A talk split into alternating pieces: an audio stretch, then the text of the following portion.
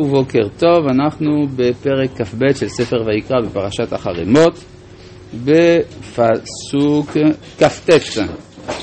וכי תזבחו זבח תודה לשם. ברצונכם תזבחו ביום ההוא יאכל.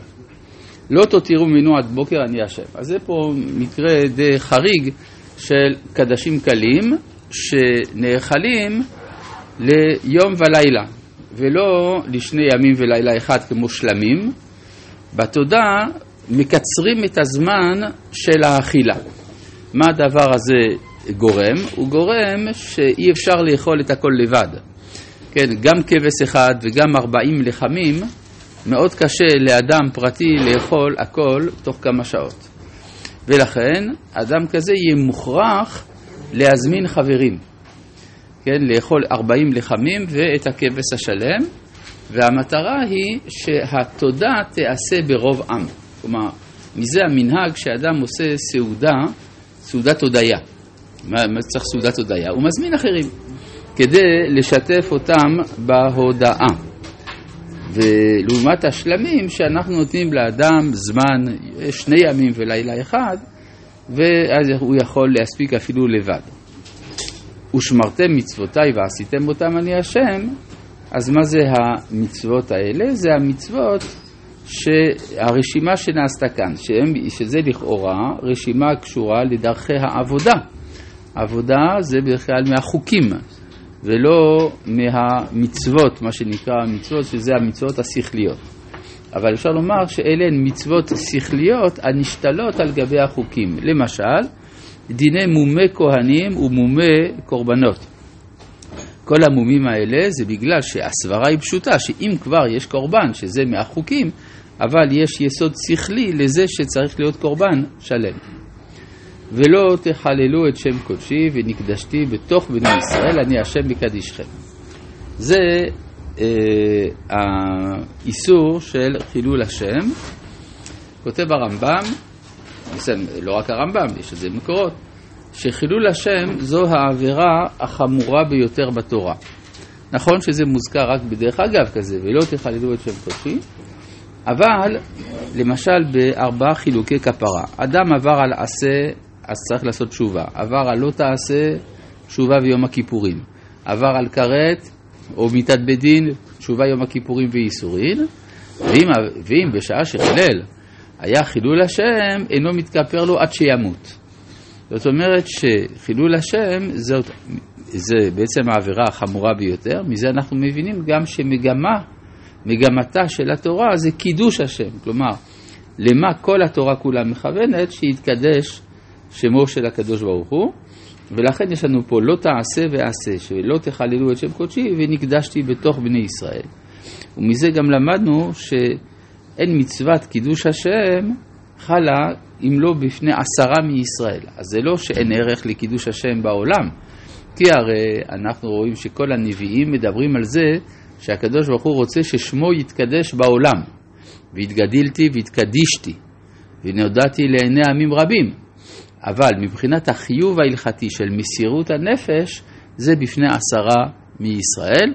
על זה נאמר, ונקדשתי בתוך בני ישראל. כן, מה רצית לשאול? הכל תלוי בידי הקדוש ברוך הוא. מה אתה מתכוון? שהקדוש ברוך הוא, אם הוא היה מתגלה בעולם בצורה שזה היה שכולם היו יודעים, אז הקדוש ברוך הוא נסתר. כן, יפה, יפה. זאת אומרת, השלמת קידוש השם, הרי הקדוש ברוך הוא היה יכול לקדש את שמו לבדו, על קידוש השם זה כאשר אחרים עושים את זה בשבילו. משל למה הדבר דומה? למלך שמרד בו אחד הגנרלים שלו. ואחר כך הגנרל נכנע ומקבל את מלכותו של המלך. זה ברור שזה הרבה יותר גדול מאשר כאשר הנאמנים לא ממילא מקבלים את מלכותו. אז גם פה, החידוש בקידוש השם זה שיש מתנגד, ושהמתנגד בסוף נכנע. אז זאת אומרת שצריך שיהיו מתנגדים. כלומר, הצורך של הנהגת קידוש השם מחייבת גם שיהיו מתנגדים. אני השם... מה? מה זה עושה בהקשר של הקורבנות? אה, מה זה עושה בהקשר של הקורבנות? זה פשוט מאוד. כל הנושא של הקורבנות זה במקדש, המקדש, המקום של הקידוש, של קידוש השם. פשוט. לכן נקרא גם מקדש. אני- עוד שאלה. מה השאלה? כל ספר ויקרא עוסק בהקרבת קורבנות. ואז מה? במקדש. כן. ובכל אופן, למה הדבר הזה של הקורבנות זה דבר כל כך חשוב? הקורבנות זה מאוד חשוב. למה? כי זה מראה על הקשר בין הבריאה לבורא. כלומר, לא רק שהבורא ברא, שזה גמילות חסדים, יש גם התקשרות, כלומר הוא ממשיך את הקשר איתם, וזה הקורבנות. זה, לכן על התורה, לעבודה גמילות חסדים, שלושת היסודות שעליהם העולם בנוי. העבודה זה הקורבנות. עבודה זה קורבנות, כן, ברור, ברור. אני השם מקדישכם, המוציא אתכם מארץ מצרים, להיות לכם לאלוהים, אני השם. עכשיו יש רק בעיה אחת, להיות לכם לאלוהים, נאמר בספר בראשית שזה לתת להם את ארץ כנען, להיות להם לאלוהים. אז יוצא שרק בארץ ישראל, גם רש"י שמה כותב מכאן שכל הדר בארץ ישראל כמי שיש לו אלוה, ומי שדר בחוץ על הארץ כמי שאין לו אלוה. אז איך אפשר פה להיות לכם לאלוהים במדבר, בחוץ לארץ? הכוונה, כיוון שאני מוציא אתכם מארץ מצרים להיות לכם לאלוהים, אז אני גם רוצה להשלים את זה ולהביא אתכם אל הארץ. ולכן המקום האולטימטיבי של הקביעות, של הקדושה, זה המקדש בירושלים. רמוז כאן, אני השם. אז למה הגאולה מתעכבת? למה הגאולה מתעכבת? לפני עשרה בטבת, ראיתי בטבריה בשבת, כן. דוד במשיכה, שהנה, זה הזעקה ש... כן, אז זהו, זה, זה אנחנו בדרך. כן, גאולה לא מתעכבת האמת, היא כבר התחילה די טוב, ה' באייר תש"ח, מאז יש לנו מדינה, אז אחלה גאולה. אה, צריך עוד... אה, זאת אומרת, יש את השלבים, זה לא כמו... בוודאי, ודאי, זה- בסך הכל זה תלוי בך. טוב, פרק כ"ג, גם בי, בכל אחד. זה באמת תלוי בי רק? זה, אין, אד- אדם צריך לומר בשבילי נברא העולם. אז יוצא לפי זה שהאדם יכול, אם בשבילו נברא העולם, אז אם הוא מתקן את עצמו, הוא יכול לתקן את העולם כולו. כ"ג, אנחנו עוברים, כל הפרק כולו עוסק בדיני מועדים. המועד זה הנהגה, הייתי אומר, מקבילה להנהגת המקום. כל הנושא של המקדש זה קדושת המקום, כל הנושא של המועדים זה קדושת הזמן. ואחרי פרשת המועדים אנחנו נראה קדושת ארץ ישראל. זאת אומרת, יש יחס בין האדם לבין העולם, היחס בין האדם, סליחה, היחס בין האדם לעולם זה הזמן. כן, בכלל, שאלה אה, שעסקו בה רבים, גם פילוסופים, גם חכמי ישראל, מה זה הזמן?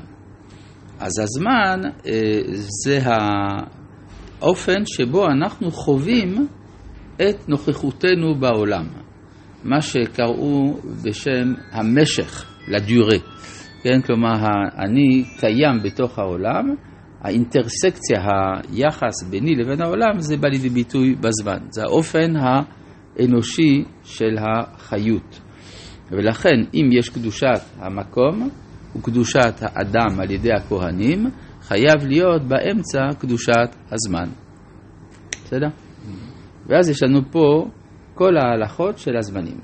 וידבר השם אל משה לאמור, דבר אל בני ישראל ואמרת עליהם מועדי השם. עכשיו, הזמן, יש לו כמה כינויים בתנ"ך, אה, בעיקר השם עת. עת מציין אה, אטום של זמן, הווה, כן? כמו עתה, עתה ברגע הזה. לעומת המועדים, לעומת הזמן, המילה זמן לא מופיעה בתורה.